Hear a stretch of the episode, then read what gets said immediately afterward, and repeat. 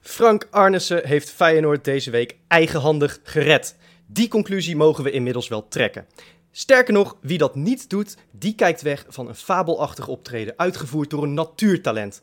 Want hoe je ook staat tegenover de intrede van buitenlandse investeringsmaatschappijen bij onze club, de berichten drukten ons wederom met de neus in de stinkende feiten.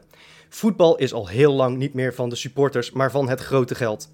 Het gaat al decennia niet meer over polletjes en over wie er al dan niet een hondenlul is. Het gaat over miljoenen, miljarden, private equity, stakeholders, brand recognition en meer van dat soort misselijkmakend maatpakkenjargon. Al winnen we 20 Champions Leagues, Feyenoord wordt met zo'n investeerder hoe dan ook weer een stukje zakelijker, afstandelijker, onaanraakbaarder, een stukje minder volksclub. Maar dat was buiten Frank Arnissen gerekend, onze nieuwe volksheld. Hansje Brinker is er niets bij. Frank Arnissen zag de dijk op doorbreken staan, dacht geen seconde na en vroette zijn dikke Deense duim zo in het modderige gat. Club gered. Hoe hij dat dan eigenhandig deed? Door een klein miljoentje te betalen voor Mark Diemers uit Leeuwarden. Dat ging niet makkelijk, maar met een hoop gepoker en sluwe onderhandelingen lukte het na een lang traject van vooruitstrevende datascouting zo waar om Diemers weg te kapen onder de neus van internationale grootmachten als FC Groningen en eh, verder eigenlijk helemaal niemand. Een middelmatige middenvelder uit het rechte rijtje, zo lekker voor de breedte, een leuke gast in de kleedkamer waarschijnlijk en hij kent de competitie al. Een speler waar het legioen volgens sommige kenners van zal gaan houden, omdat hij zich ongetwijfeld uit de naad loopt. Of zoals we dat bij Feyenoord gewoon noemen, een ouderwetse kutaankoop. Zoals we die al jaren kennen, van Edwin de Graaf en Peter van den Berg tot aan Mitchell Tevreden en Luciano Narsing. Dankjewel Frank Arnissen, dank je wel, want je hebt me gerustgesteld. Wat er ook gebeurt, Feyenoord blijft altijd Feyenoord. Dat was de aftrap van een gloedje nieuwe Kaingeloel, die ik uiteraard niet in mijn eentje ga maken, want ik heb ook het genoegen om te mogen spreken met Johan. Hey! En met Wesley. Een Freekie. Ja, Freek, wat dacht je? Ik zet hem meteen even goed neer. Ja, ik had er zin in. ja, dat blijkt, dat blijkt. Ja, wat is, uh, wij nemen dit op, uh, op maandagmiddag een keertje op. Uh, dat kon, agenda technisch moesten we het op maandagmiddag doen. En het lijkt erop dat, dat Mark Diemers één deze dagen gepresenteerd gaat worden als eerste en nieuwe aankoop van Feyenoord. En ik geloof wel dat ik nou, voel wat jij ervan vindt, Freek. Wil je dat nog iets verder uitleggen of, uh, of heb je dat net wel nou, gedaan? La, laten, we, laten, we, laten we eerst jullie de kans even geven daarop te reageren. Wat verder van Wes? Uh, nou ja, een beetje overdreven natuurlijk hoe hij het neerzet. Maar zo, uh, zo, zo heeft hij hem ook expres natuurlijk neergezet. Hè. Zo is het natuurlijk ook. Nee ja, weet, laten we heel eerlijk zijn. Mark Diemers is, is gewoon een prima voetballer voor de eredivisie. Ehm, en ik zou niet weten hoe hij zich in de top staande houdt. Ik heb echt werkelijk geen idee. Want daar heeft hij ook überhaupt nog nooit gespeeld natuurlijk. Maar laat gewoon leuke dingen zien. En uh, ik denk dat, er wel, dat het wel anders is dan uh, iemand als Vejinovic of zo. Of, of Edwin de Graaf, om maar even iemand te noemen. Uh, waarom? Nou, waarom? Waarom is dat anders? Vejinovic had toch echt een stuk betere statistieken dan Mark Diemers nu heeft. En bij een grotere club. Ja, Vejinovic had het één seizoen, hè. had hij het. En niet over meerdere seizoenen. Dus, maar waarom, waarom, vind je, waarom vind je Diemers in een andere categorie vallen dan uh, Nou, ik heb, ik heb het idee dat Mark Diemers gewoon, dat dat echt zo'n... Uh, kijk, vroeger hadden wij bijvoorbeeld Patrick Pauwen, hadden we, hè, dat was ook geen geweldige voetballer, kwam ook van Fortuna Sittard. Maar die, ja. dat was wel zo'n zo'n uh, zo'n echte teamspeler, zeg maar. Ik, ja, sorry, ik gooide echt een geweldig cliché in. Maar ja. uh, ik denk dat Mark Diemers een beetje in datzelfde straatje past. Het, het, het zal niet de beste voetballer van je selectie worden... Uh, want ja, uh, we hebben er een paar lopen die gewoon ontzettend goed zijn. Maar Mark Diemers is wel iemand die je echt maar lekker erbij kan hebben. En, uh, en, en in alle selecties van, van Ajax en PSV van, van, van Feyenoord de afgelopen jaren had je spelers zitten... waarvan je eigenlijk zegt achteraf, wat hebben die eigenlijk in die selectie gedaan? Ik denk dat Mark Diemers dat dat niet zo iemand is. Ik denk dat dat echt iemand is waarvan je over vijf jaar zegt, dat is echt goed gezien. En die, en die jongen die heeft zich uh, misschien een beetje type Jens Toornstra of zo, weet je wel. Die ook bij de amateurs is begonnen en uiteindelijk veel hoger is gekomen. Diemers is niet van de amateurs, hè? Die komt gewoon voor Cambuur via Utrecht, waar die mislukt is. Ja, spijt me verschrikkelijk, dus maar Fortuna, Fortuna. Fortuna Sittard is toch een soort veredelde amateurclub, man. Wat is dit nou? Ja, kom nou. Ja, en, en laten we wel wezen, uh, Mark Diemers is geen Jens Toornstra. Toornstra die, die liet het uh, al jaren op rij zien, heeft het toen bij Utrecht uh, goed gedaan. Was op dat moment een van de beste middenvelders van de competitie. En dat is uiteindelijk bij ons, ja, hij, hij knokt zich regelmatig weer terug de basis in, maar hij is eigenlijk altijd een beetje de twaalfde man in de selectie. Hè? Zoals Johan altijd zegt, het, het sletje van, de, van Feyenoord. Uh, wat betreft de posities. Nou ja, ja dat, dat, doen we mee tekort. Weet je, Torstra is uiteindelijk elk, elk seizoen het begin van de VI-gids staat hij inderdaad op de reservebank. En uiteindelijk speelt hij gewoon weer 34 wedstrijden in de basis. Dus, uh, ja, dus, dus en, de vergelijking... dat, dat, doet hij goed. Ja. En en alle, alle waardering eh, daarom ook voor Toornstra. Maar dat is het niveau dat je moet zoeken voor breedteversterkingen. Zeker als je er een transfersom voor neertelt. Nou ja, kijk, weet je, ik zit er dubbel in. Toen, toen ik dit verhaal hoorde, dacht ik: nee, toch, we gaan toch niet weer op die oude tour. Eerst was natuurlijk het verhaal van Linsen, wat maar niet rondkwam. En uiteindelijk ook niet rondgekomen is. Al heeft hij nog steeds geen club, dus het zou me ook niks verbazen als hij alsnog ineens weer op boven duikt. Maar toen, toen dacht ik Diemers. En ik vind Diemers toch nog even een niveautje lager dan, dan, dan Linsen. Want die speelt bij een kleinere club. Uh, hij heeft natuurlijk ook zijn leeftijd niet per se mee. Is geloof ik 26 inmiddels al.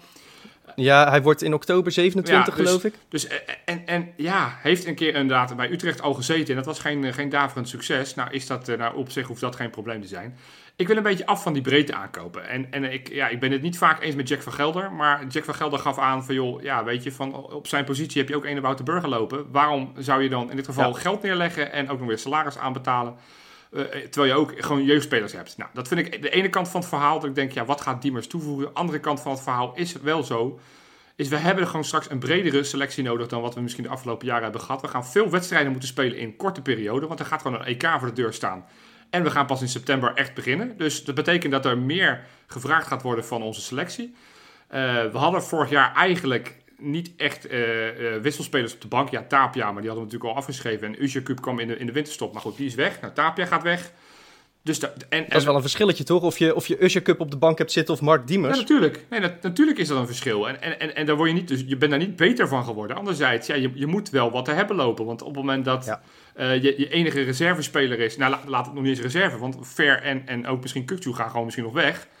Dus dat je er iets bij moet krijgen, al is het alleen maar om Dikkie te pleasen, dat snap ik wel. Ja, ik, ik vind Diemers geen geweldenaar. Ik, ik, hoop, ik hoop echt dat we er allemaal uh, straks naar gaan zitten kijken en denken van, oh ja, die, dat hadden we nodig. Het is een speler die een gigantisch goede vrije trap heeft. Nou, dat, dat, die hebben wij niet in de selectie op dit moment. Berghuis. Ah, Jens Torstra. Ja, okay. uh, maar, maar, Torstra. ja, nou, uh, Torstra. Ja, maar hoeveel, hoeveel, hoeveel, hoeveel, rendement hebben die gasten? Hoeveel, nee, weinig. weinig heb je ja, maar Torstra had, had, bij, had bij ADO en, en bij Utrecht, Utrecht natuurlijk een geweldig rendement uit zijn vrije trappen. Klopt. En uh, Venovic had een geweldig rendement uit zijn vrije trappen Klopt. bij uh, Vitesse. Uh, Larsson had een geniaal rendement uit zijn vrije trappen bij Herenveen. Weet je wel? Nee, dat, is, dat is ook zo. Dus dit blijkbaar in de Kuip, bij AZ. Blijkbaar zijn de, de, goals in de Kuip kleiner of zo, dat ze dat dan niet tussen de palen krijgen, die ballen. Uh, van Persie is de laatste, laatste die het lukte een paar keer op rij, zeg maar. maar ja, nee, maar dus- jongens, even serieus. Hebben, jullie, hebben jullie überhaupt wedstrijden van Fortuna gezien dat jullie echt op hem gelet hebben of zo? Of niet? Nee, ik moet je eerlijk zeggen, ik, ik heb geen, uh, ik heb geen uh, videobanden teruggekeken van Mark Diemers. Dus ik, ik heb het vooral van de highlights en ook van mijn bron, uh, de maker van de, de Fortuna podcast, die heb ik gebeld. Ik zei, joh, hoe zit dat nou? En die zei, ja, het is een leuke voetballer, maar of die jullie nou echt beter gaat maken, daar heeft hij zelfs twijfels bij. Terwijl het wel de beste speler is van Fortuna. Nou ja... Ja, met enige afstand. Want laten we eerlijk zijn, ik heb hem ook schitterende doelpunten zien maken in de Eredivisie. Ik vond hem altijd wel goed spelen tegen ons. Ja. Uh, dat zegt, Berghuis zegt dat ook niet voor niks. Die ja. ziet het spelletje heus wel. Um, maar ja, daar blijf ik bij. Het is, het is inderdaad niet iemand die je selectie naar een hoger niveau tilt. En je haalt hem echt puur voor de breedte, omdat je nu eenmaal, want je noemt Wouter Burger terecht als een concurrent. Ik kan me goed voorstellen dat ze die misschien weer willen verhuren, dat hij echt uh, meters kan gaan maken. Uh, maar je hebt gewoon een stabiele kracht daarnaast nodig. Alleen, uh, geld is momenteel enorm schaars. Daarom worden we ook gevraagd om te doneren bij onze seizoenkaarten. En dan ga je uh, zo een paar tonnetjes neerleggen uh, aan transfersom voor Mark Diemers. Ja. Dat vind ik gek. Dan moet, je, dan moet je niet een transfersom gaan betalen voor een breedte aankoop. Een speler als Ayoub had veel meer bewezen, veel meer potentie en die kwam gratis. Dat zijn breedte aankopen. Nee, ik, ik, ik ga daar voor een groot deel met je mee. Maar anderzijds moeten we ook wel heel eerlijk zijn. Hij gaat minder dan een miljoen kosten. Ik heb ook ongeveer een indicatie gekregen van wat hij zou qua salaris zou moeten gaan krijgen. Hij heeft nu een salaris van 3 ton bij Fortuna. Zou 3,5 ton bij Groningen krijgen. Nou, laten we zeggen dat we hem... Uh, binnenhalen voor 4 ton, uh, dan is dat nog steeds... Nou, dan zit hij nog onder de Liam onder, Kelly Onder de Kelly norm. Dat zou dus, wel helemaal... Uh, dus dus, ja. nee, dus, dus het, is, het is geen, met alle respect, ondanks dat ik snap wat je zegt, van hij is niet gratis, maar goed, ook transfervrije spelers. Hij pakt dan Linsen, die wil ook dan weer een, ja, een, een tekenbonus. Narsing, dus, Narsing is een van de duurste aankopen van deze zomer wat dat betreft. Ja, terwijl die ook gratis zomer. binnen kwam wandelen. Dus in zoverre Absoluut, is, is dat, het een dat relatief... werkt ook wel zo. Het is een relatief goedkope speler waarbij ik zeg, ja... Maar wat ik wel een, een serieus punt vind, en, en daar wil ik het wel met jullie over hebben. Ik maak me wel een beetje zorgen. Van, Uh, ik krijg namelijk heel erg de indruk dat deze speler gewoon puur wordt gehaald omdat Dick Advocaat hem wil. En ik, ik ben een beetje bang dat, uh, dat Dick Advocaat, hoe goed hij het ook gedaan heeft afgelopen nou. jaar, dat hij te veel macht krijgt. Want ik las ook ergens een artikel dat hij niet de onder 21 selectie wil laten trainen op, op uh, 1908. Nee, nee maar, daar gaat hij toch verdomme niet over. Hij gaat over dat eerste nee, maar daar ben ik het ook helemaal ja, mee eens, Johan. Weet je, Dick Advocaat die heeft gewoon zijn eisen dat er volgend jaar een goede selectie staat. Kijk, wat, wat, wat het met die, dat hij onder 21 niet mag trainen op Varkenoord. Ja, dat, dat heb ik eerlijk gezegd niet gelezen, maar hij wil gewoon een goede selectie hebben. Dus, um, en, en als hij gecharmeerd is van Mark Diemers, dan zal Mark Diemers echt wel wat kunnen. En uh, als hij gecharmeerd is van uh, onze grote vriend Brian Linsen, en dan zal Brian Linsen ook echt wel wat kunnen hoor. Ik bedoel, Dick Advocaat is geen pannenkoek. Kijk, wij, wij als supporters kunnen zeggen van ja, dat is toch geen Feyenoord materiaal. Dat zeggen we als eerste als er een speler van de nummer 17 of de, nou, nummer 17 of de nummer 6 van de Eredivisie is, die naar Feyenoord gaat dan hebben we gelijk al een soort van. Uh, wij kijken denigrerend naar die jongens. En dan vind ik, ik vind dat, daar moeten we een keertje mee stoppen. Tuurlijk hebben we hele slechte voorbeelden in het verleden gehad. Hè, we hebben er net een paar genoemd. Maar we hebben de UEFA Cup gewonnen met spelers die allemaal van clubs onder ons kwamen. Ja, maar Wes. Ik ja, zag met dat alle respect, ik, ik zag Kees dat ook, van Wonderen was wel een ander niveautje, hè? Nee, maar ik zag dat ook voorbij komen op verschillende fora. Uh, de eredivisie, zeg maar, 20 jaar geleden was nog wel even een iets hoger niveau. Dus dan kon je inderdaad spelers zoals Bosveld van FC Twente of uh, Kees van Wonderen van NAC.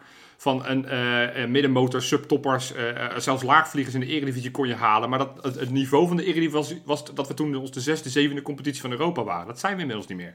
Dus die vergelijking vind nee, ik een dat... beetje mank gaan.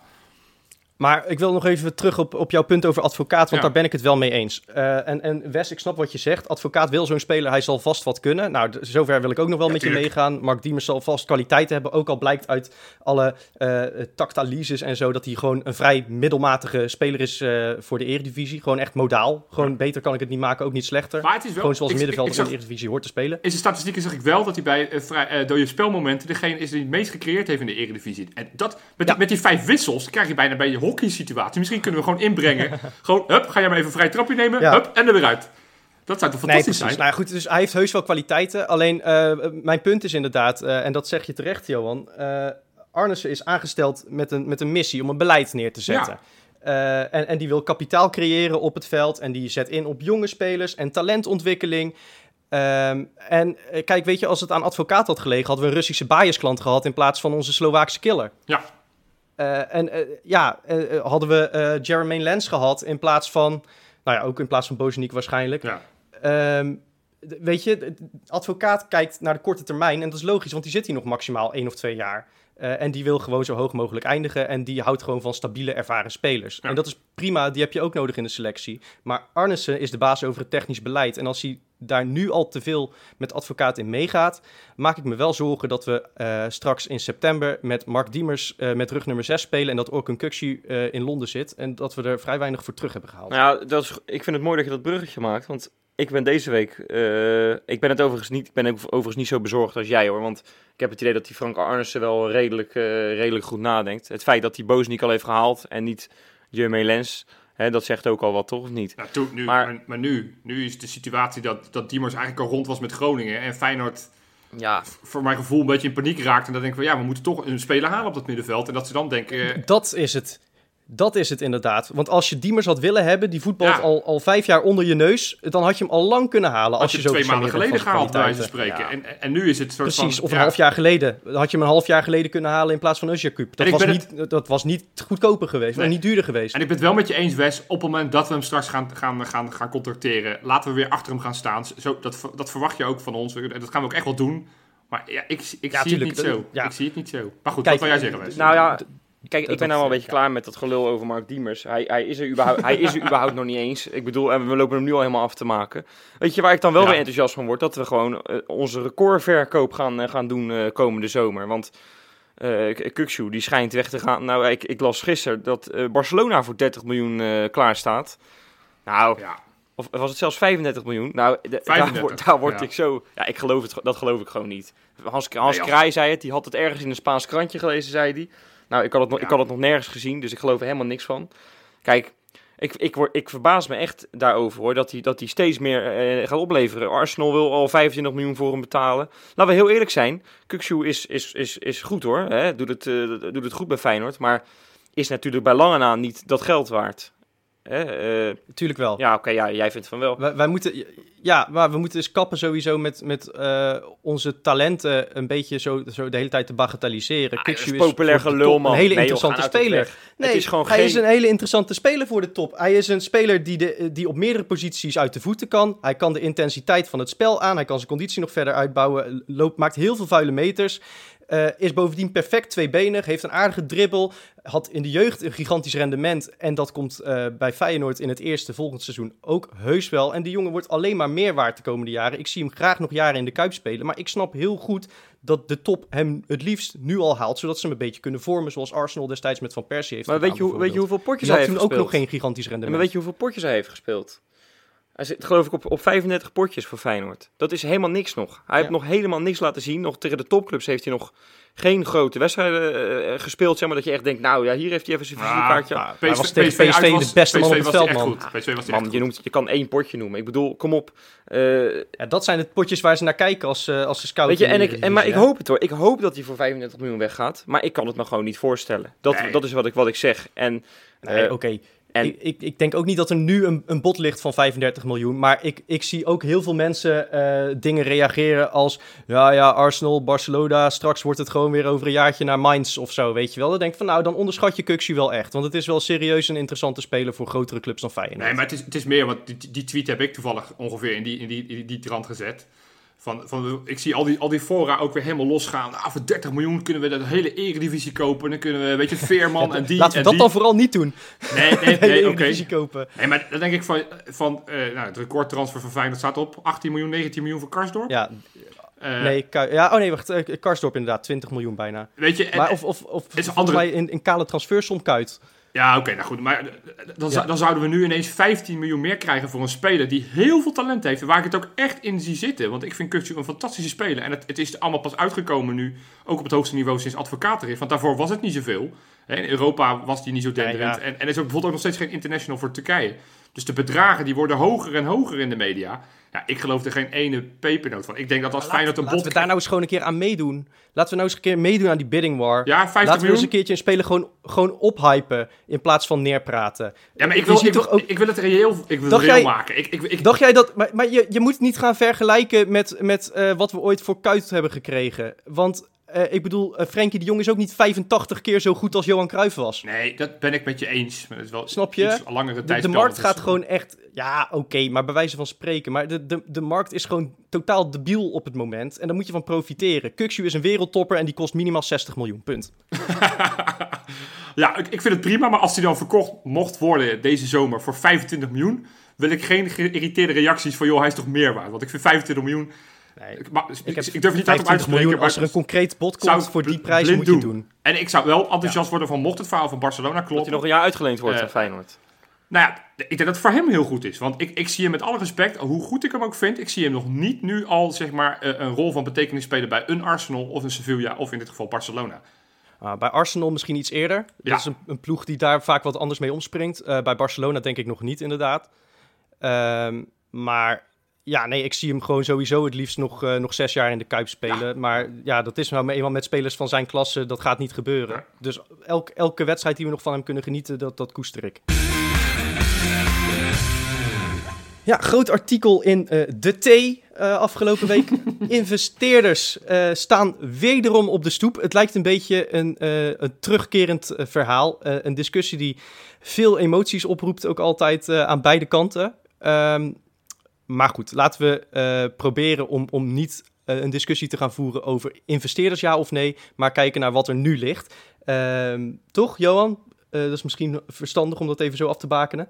Ja, ik vind het prima. Jij bent, de, jij bent de baas van deze show. Dus als jij vindt dat we Ja, het daarover moeten gaan hebben, gaan we het over hebben, Freek. Ja, nee, eh, heb je het eh, interview gelezen, denk ik, hè, met die, eh, Ja. met die man eh, in de Ja, Telegraaf? ik heb, het, Ja. eh, ik heb het allemaal gelezen. We hebben inderdaad eerder hebben we het eens een keer al in een uitzending gehad over of we nou überhaupt voor of tegen buitenlandse investeerders zijn. Toen stond ik geloof ik vrij geïsoleerd. Was ik een van de weinigen die zei, ja, ik, ik sta daar wel welwillend voor. eh, ik, ben, ik sta er wel voor open voor. Ehm, maar ja, goed, nu, nu zijn we weer een, een drie kwart jaar verder. En, en dan gaat het weer een, eh, krijgt het weer een nieuw leven. Zijn het er drie inmiddels die eh, geïnteresseerd zouden Nou, zijn? sterker nog, het waren er vier. Ja. Eh, Chris Woods heeft gezegd dat het er vier waren. Ja. Die, die Chris Woods moet je serieus nemen, want die zit tegenwoordig elke vrijdag of maandag, wat is het? Ja, bij, bij Veronica en Site. Ja. Maar het waren er vier, maar eentje is er afgehaakt. Omdat die, die wilde 51% van de aandelen en Feyenoord tegen. Dus, dus zijn er nu inderdaad nog drie. Dus dat zeg je goed. Ja. Maar toch kleine nuance, hè? Ja, nou ja, oké. Dat zijn er dus nu nog drie die overgebleven zijn. Ja, het, het, je ontkomt er niet aan de discussie van, joh, moet je het willen? Ik, ik ben alleen een beetje bang dat de timing bevalt mij niet zo heel erg. Van, ik ben een beetje bang dat Feyenoord, nou dat is ook buiten gekomen, natuurlijk een, eh, flinke st- stap terug doet in de begroting. Hè, 25 miljoen minder moeten we het gaan doen. Dat we nu door die investeerder nu toe te laten, met misschien voor een lagere prijs dan wat we misschien waard zijn, dat we zeggen, joh, dat, dat, dan, hè, dan komen we toch weer terug bij het, wat we in het eerste item besproken, dat we dat, dat elftal maar representatief kunnen maken het aankomende seizoen. Want ja, hè, eh, op het moment dat, eh, dat we geen eh, supporters op de tribunes hebben, dan gaat dat ons geld kosten. Ik, ik weet niet of de timing fijn is. Ik, ik, ik krijg daar een beetje een, een raar onderbuikgevoel je- van. Van dat het ons, ons, ons Ja, straks ik te, goedkoop verkopen. Ik kreeg sowieso een raar onderbuikgevoel van dat artikel in de Telegraaf. Eh, die, die Marcel van der Kraan. Ik, ik ben even de naam kwijt van, de, van degene die geïnterviewd werd. Eh, Edwin, Edwin van Leeuwen. Dankjewel, Wesley. Eh, die maakte die Edwin van Leeuwen wel heel groot. Hij noemt hem in de eerste alinea al iemand met een brein van Einstein-achtige proporties. Dus ik denk, nou, nou, even rustig. Eh, ehm, eh, eh, dat, ja, goed. En, en dan vervolgens verderop in dat artikel zegt die Edwin van Leeuwen zelf ook van... ja, zet mij bij Ajax neer en ik maak van 250 miljoen een miljard. Dus ik denk, nou, ik zou eventjes dimmen en gewoon vertellen wat je wil gaan doen... in plaats van jezelf zo op je borst te kloppen. Ehm, maar hij zegt iets interessants in dat, in dat stuk. Namelijk dat Amerikanen vooral kijken eh, naar bedrijven waar het momenteel een puinhoop is bestuurlijk. Want dan kunnen ze de macht grijpen. Nou, dan moet je Feyenoord. Ja, maar dat, dat zei hij. Dat zei hij inderdaad. Feyenoord was daar het perfecte voorbeeld van. ja, en dan, dan word je inderdaad... Nou ja, maar hij Dus zei... dat, we, straks- dat we zoals de club zijn die gewoon puur ge- dat, dat daar geïnvesteerd Ja. in is. Vanwege het feit dat we een puinhoop zijn. Nou zijn er wel meer clubs in Europa die een puinhoop zijn. Maar Nee, maar hij zei, wel- hij zei wel meer interessante dingen, die, die Edwin van Leeuwen. Ik vond inderdaad ook een beetje vreemd waarom hij dan als enige werd geïnterviewd. Hij was een soort van deskundige die dan moest gaan vertellen over het feit dat, eh, dat Feyenoord wel interessant is voor investeerders. En waarom het ook voor Feyenoord interessant zou zijn en zo. Dat, dat was een beetje de strekking van een stuk. Want hij is zelf, is hij dan, ja, zit hij echt in die wereld. Maar hij is zelf geen investeerder, maar hij kan daarbij helpen of zoiets, begreep ik dan. Eh, het, was, het, het vond ik een beetje vreemd inderdaad, wat jij ook zegt. Ja, wie is het dan? Hè? Waarom wordt hij zo groot eh, weggezet, Freek? Ja. Maar, eh, Ja, kijk, iemand die een, die een paar centjes heeft verdiend, vind ik niet hetzelfde als iemand die de relativiteitstheorie heeft bedacht. Maar ik heb daar verschillende meningen blijkbaar over. Precies. nou ja, maar, maar eh, wat wel interessant is, eh, er wordt in dat stuk wordt eh, Mike Ford wordt genoemd. Dat is dan de voormalige eh, Chelsea-directeur. En, ehm, en die zou het wel zien zitten. Dat is dus een van die eh, mensen die namens een Amerikaanse eh, partij aan het onderzoeken is of Feyenoord interessant is. Eh, dat is een heel moeilijke zin die ik eh, bijna gebruikte, maar jullie begrijpen hem. Ehm, En, en, en ja, Feyenoord is dan echt, eh, ja, wat je al zegt, Feyenoord zit, is, is een beetje een puinhoop momenteel. En helemaal omdat het nieuwe stadion, dat dat nog steeds, nou ja, nog, nog, nog in, in, in, de, in de picture is, laat ik het zo zeggen. Hij noemt het een jewel in the crown. Dus dat betekent, voor die investeerders is dat hartstikke interessant. Ehm, en daarom is, ja, naast Ajax en PSV, ah, die zijn ook nog steeds interessant voor die investeerders, eh, zegt die eh, Edwin van Leeuwen. Maar Feyenoord eh, misschien wel, wel het meest, omdat hij al die dingen heeft. Plus die, die supporters, hè, die, die, die worden ook genoemd. Dat, is, dat schijnt iets meer te zijn dan Ajax en PSV. Dat wisten wij al een tijdje, maar dat heeft meneer Mike Ford ook eventjes toegegeven in de Telegraaf. Dus jongens, kunnen we in ons zak steken. ja.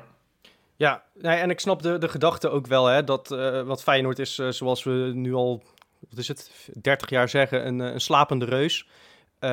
Dus ik snap ook wel, kijk, als je instapt in een bedrijf dat op zijn gat ligt, maar wat in potentie heel groot is, ja, dan heb je de, de meeste kans op grote winsten. Dus ik, ik snap dat dat zakelijk interessant is.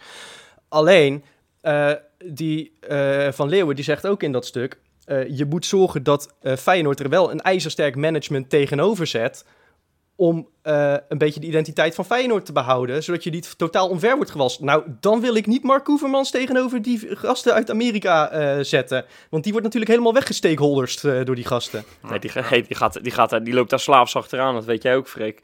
Die laat zich piepelen, hè? Zo, zo werkt dat. Ja, dus het is, het is best wel een, een, een spannend iets. Kijk, het, het, feit dat we interessant zijn. eh, ik, ik geloof wel dat de Amerikanen een club als Feyenoord heel interessant kunnen vinden. Van de argumenten die ge- genoemd werden: van joh, we spreken allemaal Engels. En, en we kunnen met relatief kleine investeringen voor, voor dat, soort, eh, dat soort bedrijven. Kunnen we, kunnen we toch snel misschien eh, nou, omhoog eh, gestuurd worden. Eh, en daardoor ook een, ja, een duurdere brand worden, waardoor we weer beter te verkopen zijn uit buiten. Want dat is uiteindelijk waarom een investeerder wel erin stapt. Maar ik vind, Mhm. ik, ik vind het wel spannend. Ik, vind het, ik ben benieuwd hoe dit, hoe dit gaat lopen. En, en, en hoe, ja, wat jij net zegt, van, joh, of, of Feyenoord sterk genoeg is om, om maar niet alles in de, in, de, in de strot geduwd te krijgen. Want dat, dat is wel een Ja, Ze beetje... krijgen nu alles in de strot geduwd van de gemeente Rotterdam en eh, weet ik veel hoeveel eh, andere belangetjes er op de achtergrond spelen. Dus eh, daar heb ik gewoon hele grote twijfels bij. Ja. Ik moet wel zeggen, het, het verhaal wat, wat geschetst werd, ik, ik ben denk ik hier aan tafel, het, het, heb ik de meest nare nasmaak van, van zo'n investeerdersverhaal. Ehm, maar ik vond het verhaal op zich wel daar kon ik me redelijk in, in vinden. Dat je zegt, nou, 49% van de aandelen, we gaan hier goed economisch beleid eh, neerzetten, flinke kapitaalinjectie, we stellen orde op zaken. Oké, ja, daar, daar kan ik inkomen als de club de club blijft. ehm, en, eh, en niet eh, dat je een situatie krijgt, want dat is de andere kant van het verhaal. Tiental jaar geleden, nou, iets langer geleden, had je een club in Arnhem die ook de potentie niet zou benutten, een nieuw stadion zou krijgen, eh, Champions League zou gaan spelen. Ja, je moet er wel voor waken eh, dat het allemaal geen luchtkastelen blijken te zijn. Nee. Nee, maar, Nee, dit is, is maar dit is, eh, die, die Ford ook, hè, die, die dan ook eh, genoemd wordt in het stuk. Dat is ook wel echt een, eh, iemand die wat, wat heeft laten zien in het verleden. Hè. Is, is directeur van, van Chelsea geweest. Heeft daardoor ook met Arnissen een, eh, Ja. een, eh, een, een, een connectie. Want die, die kennen elkaar tussen 2007 en 2011 hebben ze met elkaar gewerkt. Hij heeft bij Bolton Wanderers gewerkt. Eh, heeft hij het ook wel vrij aardig gedaan in die periode met die club. Dus ja, dat is wel iemand die, die, eh, die je best serieus kan nemen. En ik, ik, ik ben eventjes die naam van die Amerikaanse bank vergeten. Die, eh, die, garant, Goldman. die garant wilde staan voor, die, voor dat stadion. Hoe heet die bank ook weer uit Amerika? Goldman Sachs. Ja, juist. Daar, daar zaten, nou ja, precies, maar daar zaten alleen maar schimmige verhalen aan vast. En, en als ik dan over die Mike Ford dingen lees, dan denk ik, ja, dat is op zich. eh, daar kan ik dan best wel enthousiast van worden. Dus ik- Johan, ik denk dat je niet meer helemaal alleen staat in deze discussie. Eh, dat je een investeerder graag ziet komen. Als ik dan zo'n zo'n Mike Ford, als ik daarover lees en ik, ik lees ook zijn bedoelingen. En natuurlijk is het, is het alleen maar geld eh, dat hij er zelf rijker van wordt. Dat snap ik ook wel. Maar als Feyenoord er daadwerkelijk beter van wordt. En Feyenoord blijft zichzelf, hè, met, die, met die aandelen ook. Ja, dan word ik daar best wel enthousiast van. Kijk, wat, dat heb ik natuurlijk de vorige keer al gezegd. Van, van wat bij Feyenoord op dit moment, we hebben dat ooit een keer in een podcast proberen uit te leggen hoe die structuur is met die Stico en, en dan de vrienden van Feyenoord die nog ergens een rol Ja. spelen. En dan die, die hebben wel weer stadion, twee mensen de in, in, in de RVC zitten. Het is, het is allemaal bijna niet te begrijpen. En, en ik geloof wel dat als, als Amerikanen, want dat zijn natuurlijk slimme, slimme zakelijke mensen, als die erin gaan stappen, dan, dan, dan willen ze dat wel een soort van helder en duidelijk hebben. En waarschijlijk zullen ze dan ook die hele structuur eh, op- ja, eh, Ja. anders gaan willen doen. En ik denk dat dat ten gunste Dat, dat is sowieso iets dat, eh, dat Feyenoord graag wil, hè? Eh, eenwording met de sportclub en het stadion. eh, Ja, want het is, het is nu, het is nu bijna niet maar uit te leggen. Als je, als je zegt van al maar die dat, dat lukt alleen als je een flinke zak geld op, sta, Ja. op, sta- op, ta- op tafel maar wat- legt wat die- natuurlijk. Wat, Ja, hij, nee, wat tuurlijk. van Leeuwen ook uitlegt, dat vond ik ook heel erg interessant. Ik weet niet of jullie dat ook gelezen hebben, maar heel veel supporters denken van ja, we mogen Feyenoord niet zomaar weggeven aan een eh maatschappij, hè, want, want ja, dan, eh, dan is, Feyenoord, is Feyenoord niet meer. Maar eh, die mensen, en dat zegt hij van Leeuwen, die Edwin van Leeuwen in dat stuk van de Telegraaf zegt dat ook heel goed. Ehm, dat Feyenoord is op dit moment ook niet van de supporters. Feyenoord is, is inderdaad, wat je zegt, met rare structuren. wordt door mensen beheerd waarvan, waarvan je niet eens weet Ja. dat ze er zijn. Hè? Wij hebben ons er dan een beetje in verdiept. Maar heel veel mensen, heel veel supporters doen dat niet. En die begrijpen het niet meer. Ja, hij, hij, noemde expliciet, eh, hij noemde expliciet de vrienden van Feyenoord... die er natuurlijk inderdaad eh, relatief gezien voor een fooitje in zijn gestapt... en daardoor eh, de helft van de zeggenschap hebben. Ehm, maar ik moet wel zeggen, meneer Van Leeuwen... als je denkt dat de supporters zich daar niet van bewust zijn... dan heb je niet echt opgelet in het stadion de laatste jaren. Want eh, de vrienden van Feyenoord die zijn de laatste jaren... regelmatig onderwerp van gesprek... omdat we het daar ook niet heel veel zin meer in hebben. Nee, maar wat hij bedoelt is heel veel Feyenoord supporters. Hij leest dan ook, hè, dat is dan wel mooi. Dat is een man die echt, echt Feyenoord supporter is, die Edwin van Leeuwen. Dat moeten we er wel even bij zeggen. Ehm, maar die leest dan op, op, op supportersfora als Ever 12 dat, dat de supporters dat dan zeggen. Hè, van we mogen onze club niet weggeven, want ja, de club moet van, van de supporters blijven. Maar dat is het dus al een tijdje niet meer. Nee, maar daar ageren de supporters dus nu ook al tegen. Dus zijn stelling klopt niet. Nee, maar ik snap wel wat, we- wat zegt. Van, eh, Ja. van, van, en, en, en dat, daarom, ik zie ook heel veel vergelijkingen met clubs in het buitenland, van waar het dan allemaal niet goed gegaan zou zijn. En die, die ken ik ook. Hè. En, ik, en ik, in zoverre moet je altijd heel, heel voorzichtig met dit proces omgaan. Maar we gaan nooit volledig overgenomen worden. Dus het, het is onmogelijk Nee. dat wij straks inderdaad in een paars-oranje shirt gaan spelen, om maar eens wat geks te noemen. Of dat ons logo ineens verandert in een grote gele eh, eh, R. Dus, dus, dus, En, en tegenover die tegenover die, die eh eh, doom-scenario staan natuurlijk ook voorbeelden van, van een Liverpool bijvoorbeeld, dat het met Ja. eh, Amerikaanse investeerders geloof ik ook eh, eh, be- behoorlijk goed doet. Ehm, en, en zo zijn er wel meer. Ja, Ehm, er zijn, en er zijn, er zijn meer geloof- voorbeelden van waar het niet goed gegaan is dan wel goed. Dat, dat zeg ik dan Absoluut, alle eerlijkheid erbij. Hè. En Manchester United wordt steeds als voorbeeld genoemd van waar het vooral niet goed gegaan is. Nee, Het- het- precies. alleen dat is Maar- moeilijk, moeilijk te vergelijken. Het zijn andere bedragen, het zijn Ja. andere soorten clubs, andere soorten markten. Ja, andere competities. ja, Ja. precies. Ja, Dus- je moet ook gewoon een goed management hebben. Je moet ook gewoon een goed management hebben. En als je Frank Arnissen in je, in, je, in je management hebt zitten, ja, dan word ik daar wel enthousiast van. Als iemand die zich dus in de top bewezen heeft, heeft ook wel eens, eh, bij HSV is het bij hem misgegaan, maar dat is wel, wel een kundige iemand. Die is binnengekomen bij Feyenoord en, en die hele club die begon eh, positiviteit uit te stra- uit te stralen. Dat had ook met Dick Advocaat te maken natuurlijk. Maar die twee, als je gewoon kundige mensen in je management hebt zitten, ja, dan, dan gaat het wel goed komen. Maar ja, Ja, als je maar we hebben het nu niet over het, over het technisch management, eh, want ik denk dat dat de crux is. Wij kunnen nu niet oordelen over, over de integriteit van al die partijen. We kennen ze niet, we weten niet wat voor bot er op tafel ligt. Eh, de vraag die we eigenlijk onszelf moeten stellen is, hebben wij er vertrouwen in dat het huidige Feyenoord met de huidige bestuurders de juiste keuze neemt voor de toekomst van onze club? Daar heb ik wel vragen bij. Ja, maar ik denk dat het niet uitmaakt of je nou Mark Hoevermans eh, daar hebt, hebt zitten. eh, of misschien zou, maakt het zelfs wel uit in de positieve zin. Of dat er een slimme Amerikaan binnenkomt wandelen die wat nee, maar als je, nee, kijkt maar misschien. dat, dat bedoel ik niet. ik bedoel, nog. eh, Heb je, heb je, inderdaad, heb je Mark Hoevermans die die onderhandelingen voert of, of een Robert Eenhoorn? Of een bestuurlijk zwaargewicht? Ja, maar dat zeg ik toch. Dat heb ik net al op het begin gezegd. Mark Hoevermans is niet iemand waarvan ik denk eh, van, nou, die, die gaat het wel even goed doen. Dus, dus, Exact. dus, dus is Dus wat dat- dat- zegt, is, is die situatie best zorgwekkend. Op het moment dat, dat en, Ja. en misschien moet- moet, de Mark Koevermans ook niet zo idioot klein maken. Hij zal echt wel wat kunnen. Maar ik, ik maak me daar wel zorgen over als hij degene Hij is kon, die hij kon aardig tennissen, schijnt. de- ja, Ja, nou ja, dus met nou ja, service maar- heeft hij in ieder geval ervaring. ja. Hij, eh, toen bij die nieuwjaarsreceptie kreeg hij één, kreeg hij één kritische vraag. En toen, eh, toen viel hij al bijna flauw, weet je wel. Ja. Ik bedoel, het, het is natuurlijk niet... Ja, nee, maar het is echt zo. Hij viel echt bijna Ja. flauw. Dat ging Ja. helemaal Ja, nergens maar dat belooft dus niet En dan veel denk goeds ik, ja. in een onderhandeling met, met, Nee, met, met ge- nee. ge- ge- ge- slimme, handige Amerikaantjes. Toch? Ja, ja net, dat Nee, denk Dus ik- dan moeten we dat denk eigenlijk nee. sturen. Dan zeggen we, joh, eh, Mark, ga jij lekker inderdaad eh, eh, vooral... eh, Ja, maar dat, Ja, ga- dat gaat toch ook gewoon gebeuren? Dan, dan weet je in ieder geval zeker dat je eh, Hitachi Capital Mobility eh, binnen kunt halen. Want die, die willen nu nog met Groningen in zee. Maar eh, Frank, die, Ja. die krijgt het wel voor elkaar. Eerst- dat eerst die, hebben we- eerst hebben Diemers- eerst hebben we Diemers al afgepakt De van Hitachi Groningen. En, en nu Capital Hitachi. Mobility Feyenoord City. Hitachi Capital Mobility Feyenoord City. Dat gaat hem worden. Met dank aan Frank. Ja, in Nederland zijn we er intussen wel aan gewend eh, dat we voorlopig niet voetballen. Maar in andere landen, Jopie, daar spelen ze weer. Bakens in de vette. Ja, we zijn inderdaad ongeveer het enige land in Europa of in de wereld waar we niet gevoetbald eh, wordt. Alle, al onze spelers komen zo langzamerhand weer een beetje in actie. Dus ik heb wederom een mooie top 3 voor jullie kunnen vinden, jongens. Ehm, maar voordat ik daar begin, ik wilde even... Ja, we, we hebben een nieuwe baken. eh, zo goed als zeker is het allemaal rond. Gustavo Hamer, die gaat in de Championship spelen volgend jaar bij eh, Coventry City. Mooie overstap, dus ik, eh, ik ben daar wel nieuwsgierig. Daar tegenover staat wel het vertrek uit, van, uit de bakens van Emiel Hansson, die naar Fortuna gaat. Dus ja, mijn, mijn, eh, mijn, mijn lijstje blijft nog even groot. Maar nou, ja, in ieder geval leuk dat Hamer ook die stap gaat maken. Goed, op drie. Een man ja, die in ieder geval bij Wesley zijn hart sneller gaat doen kloppen, is John Guidetti. Oh, Ja. wat mooi. Ja, ja, het is eh, het, eh, vri- vrij lang stil geweest. Zijn, eh, zijn, zijn carrière liep toch een beetje als een nachtkaars. Eh, het werd steeds minder en minder. Hij is natuurlijk sinds de winterstop is die verhu- verhuurd aan Hannover Hij 96. is, hij is 27 of 28 jaar, hè? Als een nachtkaars uit. Even serieus. Hij heeft nog een halve carrière voor zich, man. Nou ja, maar goed, het, het, het, het, Nou, het feit dat we hem niet elke week eh, in de gewoon klaar, noemen, toch? Het, het, het, het, is niet, het is tweede niveau in Duitsland nu, hè? even voor de duidelijkheid. Als, als Freek dingen over Gudetti zegt, neem ik dat niet serieus. Nee, sorry, echt niet.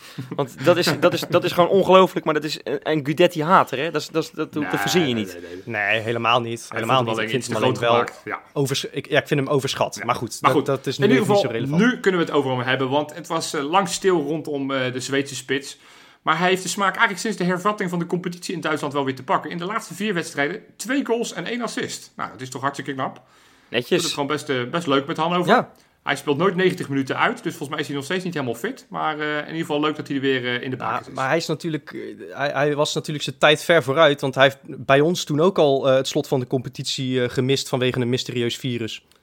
ja, ja nu, nu mist hij hem dan niet. Nu, eh, Nee, precies. Dus hij, hij heeft dat al een keertje Ja, dat gehad. heeft hij ook een Eh, keer Hij is gehad, erop voorbereid. Ja. Ja, goed. Op nummer 2, een naam die we volgens mij dit seizoen nog niet besproken hebben, omdat hij ook gewoon eigenlijk nog geen pepernoot hadden gepresteerd. Dat is namelijk Ricky van Haren. Speelt, als we het hebben over tweede Zo. niveau, ook op het tweede niveau, maar in dit geval in Polen. Hij speelt bij Olympia Grudziac, eh, middenmotor in de tweede divisie in Polen. En eh, het hele seizoen ja, speelde af en toe, was dan weer reserve, speelde dan weer een kwartiertje als invaller. Eh, had dan nog niet gescoord, had ook nog eh, weinig zinvols gedaan. Tot eh, ja, eigenlijk ook weer de corona-break voorbij is. Want hij heeft in de afgelopen drie wedstrijden twee doelpunten gemaakt. Eentje in de 1-2 verloren wedstrijd tegen Potbet Kitsi. En eentje in een 3-3 gelijk gespeelde tegen Termalika. Ik heb die goals gezien. Het zijn alle twee redelijk makkelijke goals waren het intikkertjes. Eh, maar ja, eh, zijn ploeg heeft nu al drie wedstrijden achter elkaar niet gewonnen. En daardoor lijken ze de play-off kansen voor in ieder geval promotie naar, eh, naar boven. lijken ze wel een beetje nu nou, te, teniet zien gaan. Ja. Dus als Nou, Ricky scoort, dan eindig je wint, toch wint zijn ploeg in ieder geval niet. Nee, nou, dan eindig je toch weer in mineur met je bakens. Nee, want ik heb er nog één. Op nummer 1 namelijk. ja, oké. Ja, en dat is een goed verhaal. Eh, een speler die, ik, ik, ik, ik zou je niet zo heel veel kunnen vertellen over zijn tijd bij Feyenoord, terwijl hij toch eventjes bij ons heel veel heeft gezeten. Ik heb het namelijk over Christian Simon. Eh, Oh, ik moest eerlijk ja, ja. zeggen, ik heb weer beelden zitten kijken, want hij, hij is, eh, nou, dit, deze keer heeft hij roem, gemaakt op de, op de velden. Ook een moeizaam seizoen, net als Guidetti en Van Haren die ik net al noemde. Hij had pas één keer gescoord en als een vleugelaanvaller, dus dat is niet heel, heel denderend. Maar toen speelde hij de wedstrijd tegen De Bretchen. En ze wonnen met Een grote club, hè, daar. het is eh, volgens mij, ja, denk ik. ik, ik Ja, de, naam, de naam zegt me Wel. veel, maar of het een grote club is, durf ik Nou, niet te zeggen. Zo goed Nou zit ik niet in het als, als Hongaarse een voetbal. Hongaarse club jou iets zegt, Ja. dan is het een grote club. Ja, ja, maar ik geloof ook, dat heet die club van vroeger, Ferencváros, maar dat speelt volgens mij te- tegenwoordig, is, heeft het een andere naam, speelt het in het tweede niveau, Ja, dacht zijn failliet. eh, Ja, daarom. toch? Dus, Ja. dus dat, dat, dat, dat het me iets zegt, eh, dat betekent ook niet zoveel. Maar in ieder geval, 3-1 hebben ze gewonnen tegen De Bretchen. Met twee goals en een assist van nou, de buitenspeler, aanvoerder daar tegenwoordig. En met name die tweede goal is, of tenminste zijn eerste goal, wat dan de, de, de, de 2-0 was, schitterend. Net buiten de 16 schiet hij hem keihard in het kruis. Eh, de, drie, de, de, de derde goal die hij maakte was een kopbal en, en hij gaf een assist vanuit een corner. Dus, eh, nou ja, eh, Ja, laat van zich horen. Wel mooi dat je dit zegt, want we zaten net eventjes, voordat de, de show begon, hè, de, de aflevering, voordat we hem gingen opnemen. We doen het via een videoverbinding, hè, moeten we even aan de luisteraars vertellen natuurlijk. En, en jij, zat, jij zat nog net een klein tikkie voor te bereiden. Ja, En uiten maken, ik wist niet wat ik meemaakte. Over de, de ene goal was nog Ah, mooier echt- dan de andere. En eh, je kwam bijna klaar, echt eh, ja. niet te geloven. Het was een waanzinnige... Was, ja, nou ja, hij, hij liet mooie dingen. Maar ik moet zeggen... Ik moest dus even goed kijken wat voor shirtnummer dat was. Want ik herkende hem niet. Ik, ik, zo, zoveel, zo weinig indruk heeft hij weer gemaakt bij Feyenoord. Ja, Hij eh, terwijl hij Feyenoord toch een prijs heeft Ja, gewonnen. de zilveren bal. Hè. De zilveren bal. Ja, precies.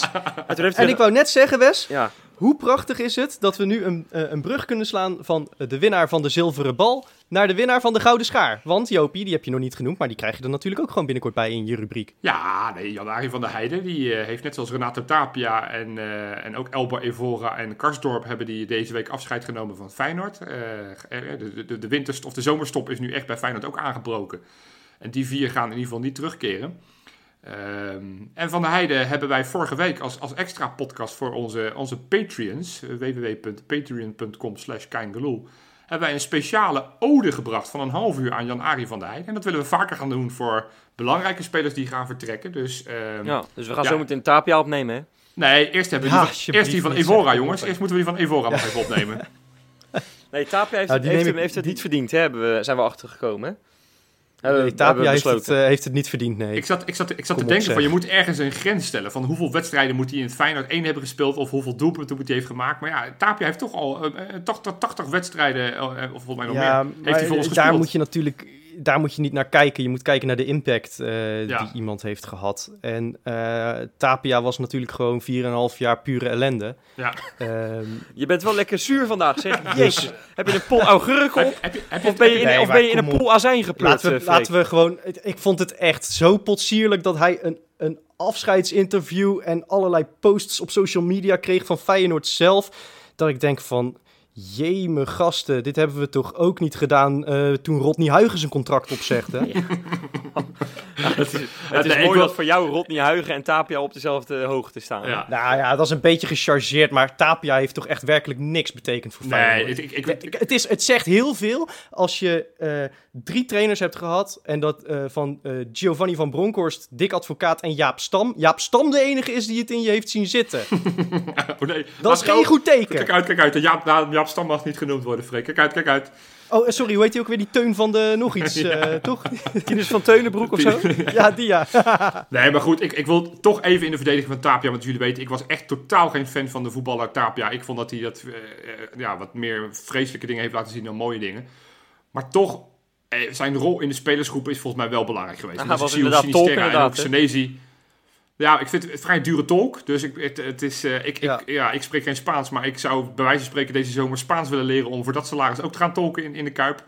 Maar, maar het, het- het- hij heeft toch wel een klein beetje iets gedaan. Want Sinisterra, die toch als ja, eenling zo vanuit Colombia naar het koude Nederland kwam... heeft hij volgens mij wel redelijk goed opgevangen. En volgens mij is het, toen Kramer wegging... is het daarna wel een redelijk normale, goede gast geworden. Want daarna, daarvoor was het een, een, een kokosnoot... en daarna is het een, een redelijk fatsoenlijke speler geworden... die in ieder geval in het Jawel, gareel is nou, gelopen. en dat afscheidsinterview was hij vol lof over Feyenoord. Nou, dus Ja, maar succes. weet je wat het is? Het is, het, het, het is? Ja, ik vind het ook geen onsympathieke jongen. Volgens mij is het een ontzettend eh, aardige gast. En eh, hij, zou, hij is inderdaad de duurste teammanager in de geschiedenis eh, geweest.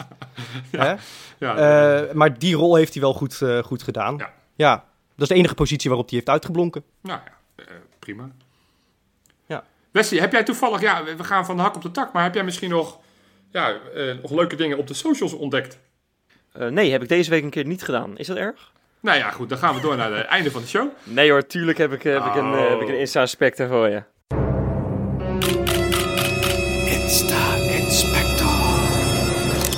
Nou ja, ik, eh, jongens, eh, ik weet niet hoe het bij jullie is. Pak de slingers er maar bij. En, en, eh, en ook als je nog een fakkeltje hebt liggen, die mag je ook best wel aansteken. Want eh, Leroy Ver heeft dat namelijk ook gedaan.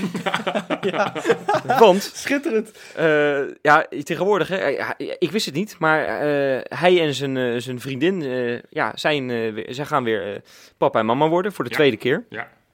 En, Nou, nee, ver, ehm, ver voor de tweede keer, want het is van een andere partner dan zijn eerste. Hè?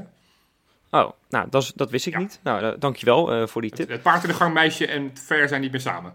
Ja, nee, precies. Ik, ik, ik zat al te denken van... Ja, Zou hij dan Xenia nu- heet ze. Xenia Ja, Ver. maar Ver goed, dit is een, eh, een Spaanse, want, uh, want ver spreekt tegenwoordig vloeiend Spaans en dat komt door, omdat hij een Spaanse vriendin heeft. Maar goed, Oh, oké. Nou, dan kan hij ook gaan tolken. Prima. Dan heb je Tapia niet meer nodig. Ja, Maar ik zat dus al te denken van... Zou, zou hij nou in plaats van een kinderkamer ook per ongeluk een stal hebben gebouwd voor die baby? Heel wat mooi. ja, nee, maar jongens, even, laten we even... Hele manege in back- blauw geverfd. Nee, daar ga je dus nu de mist in, want het wordt dus een eh, meisje. Oh, En daar zijn ze Oh, ja. achtergekomen tijdens een gender reveal. Ja. Ja. wel allemaal op anderhalve meter. Behalve natuurlijk de moeder van, eh van, eh van, van eh, Ver. En eh, behalve ook de broer van eh Ver, eh Lee Greg Ver. Ja. Die tegenwoordig vaak bij Ajax zit. Hoeven we, kunnen we ook gewoon ru- rustig erbij zeggen. Ja. Eh, en die heeft eventjes daar een gender reveal gedaan met, jawel... Piro, met fakkels. Gewoon, huppa, een roze fakkeltje in één keer. Hij steekt dat ding aan. Ja. was een roze fakkeltje. Nou, je, je weet wat ze i- zeggen. No pyro, no baby. Oh, ja, ja precies. Hè.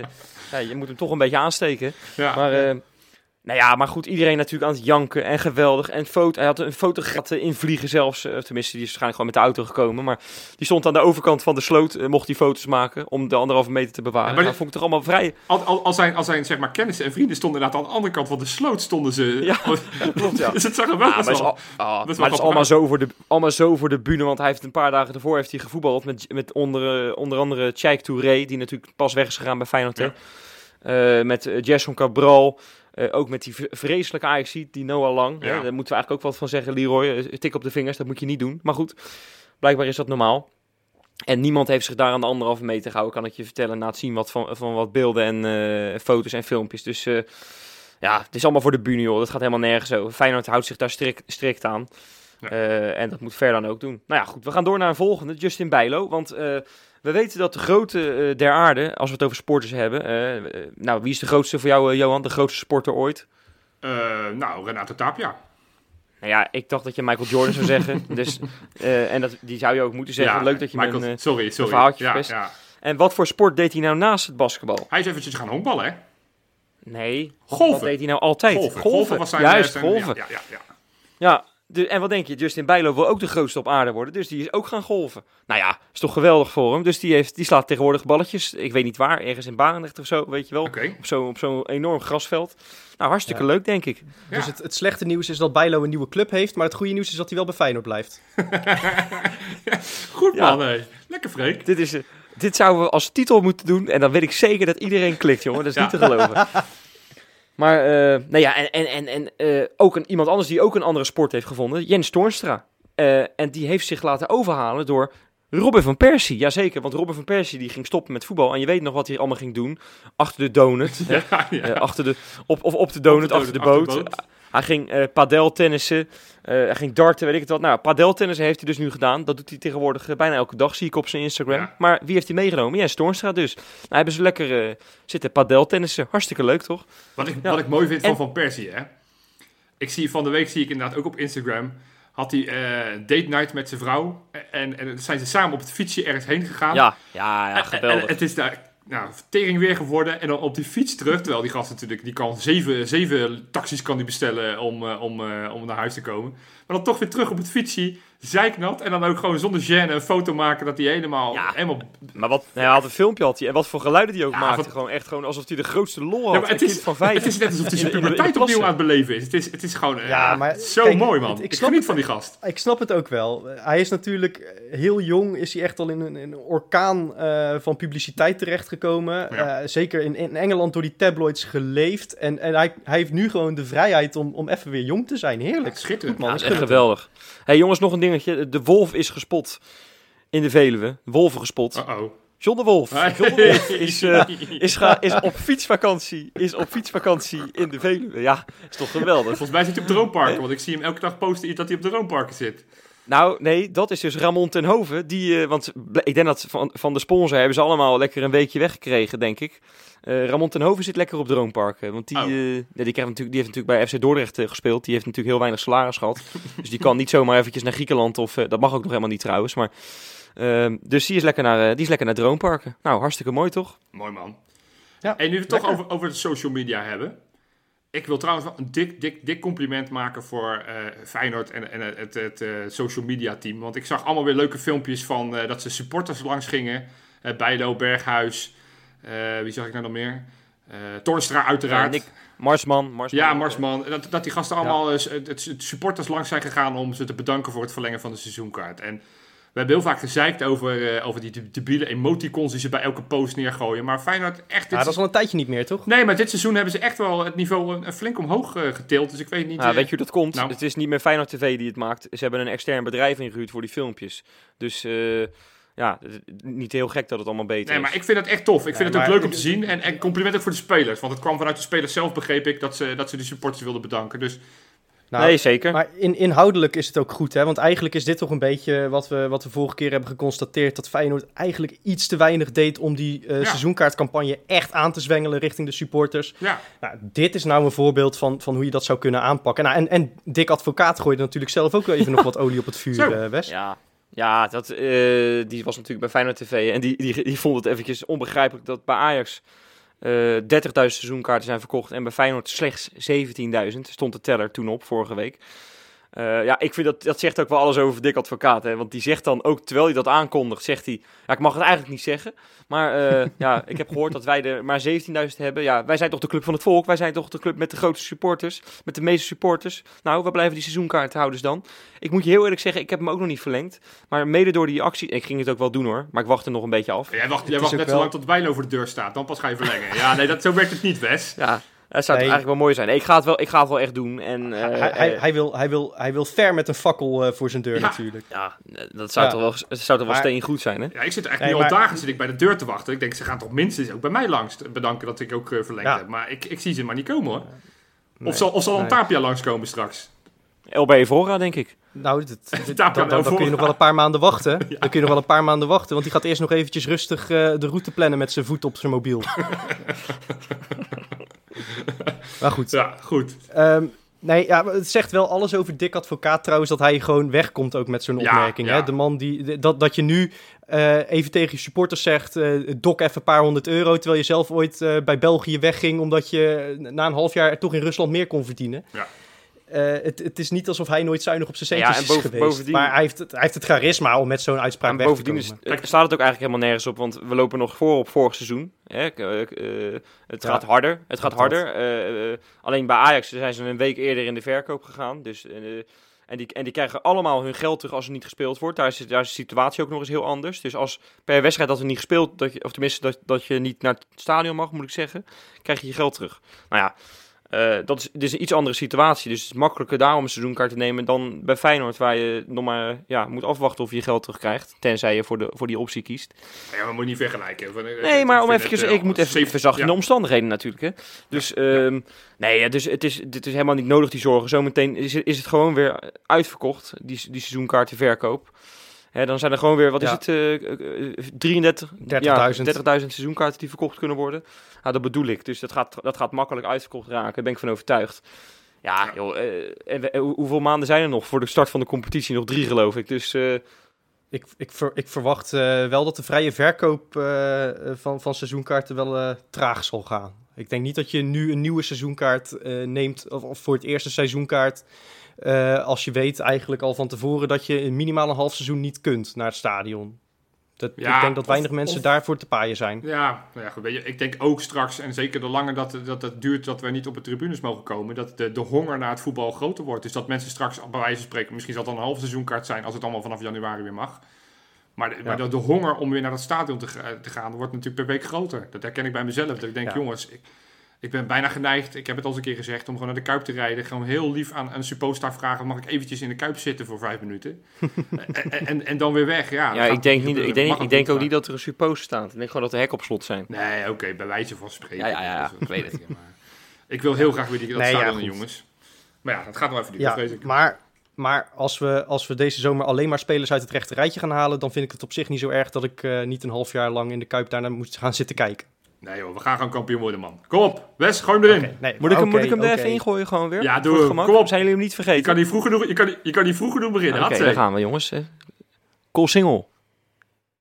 Ja, wel op anderhalve meter afstand dan natuurlijk. Sowieso. Tot volgende keer, mannen.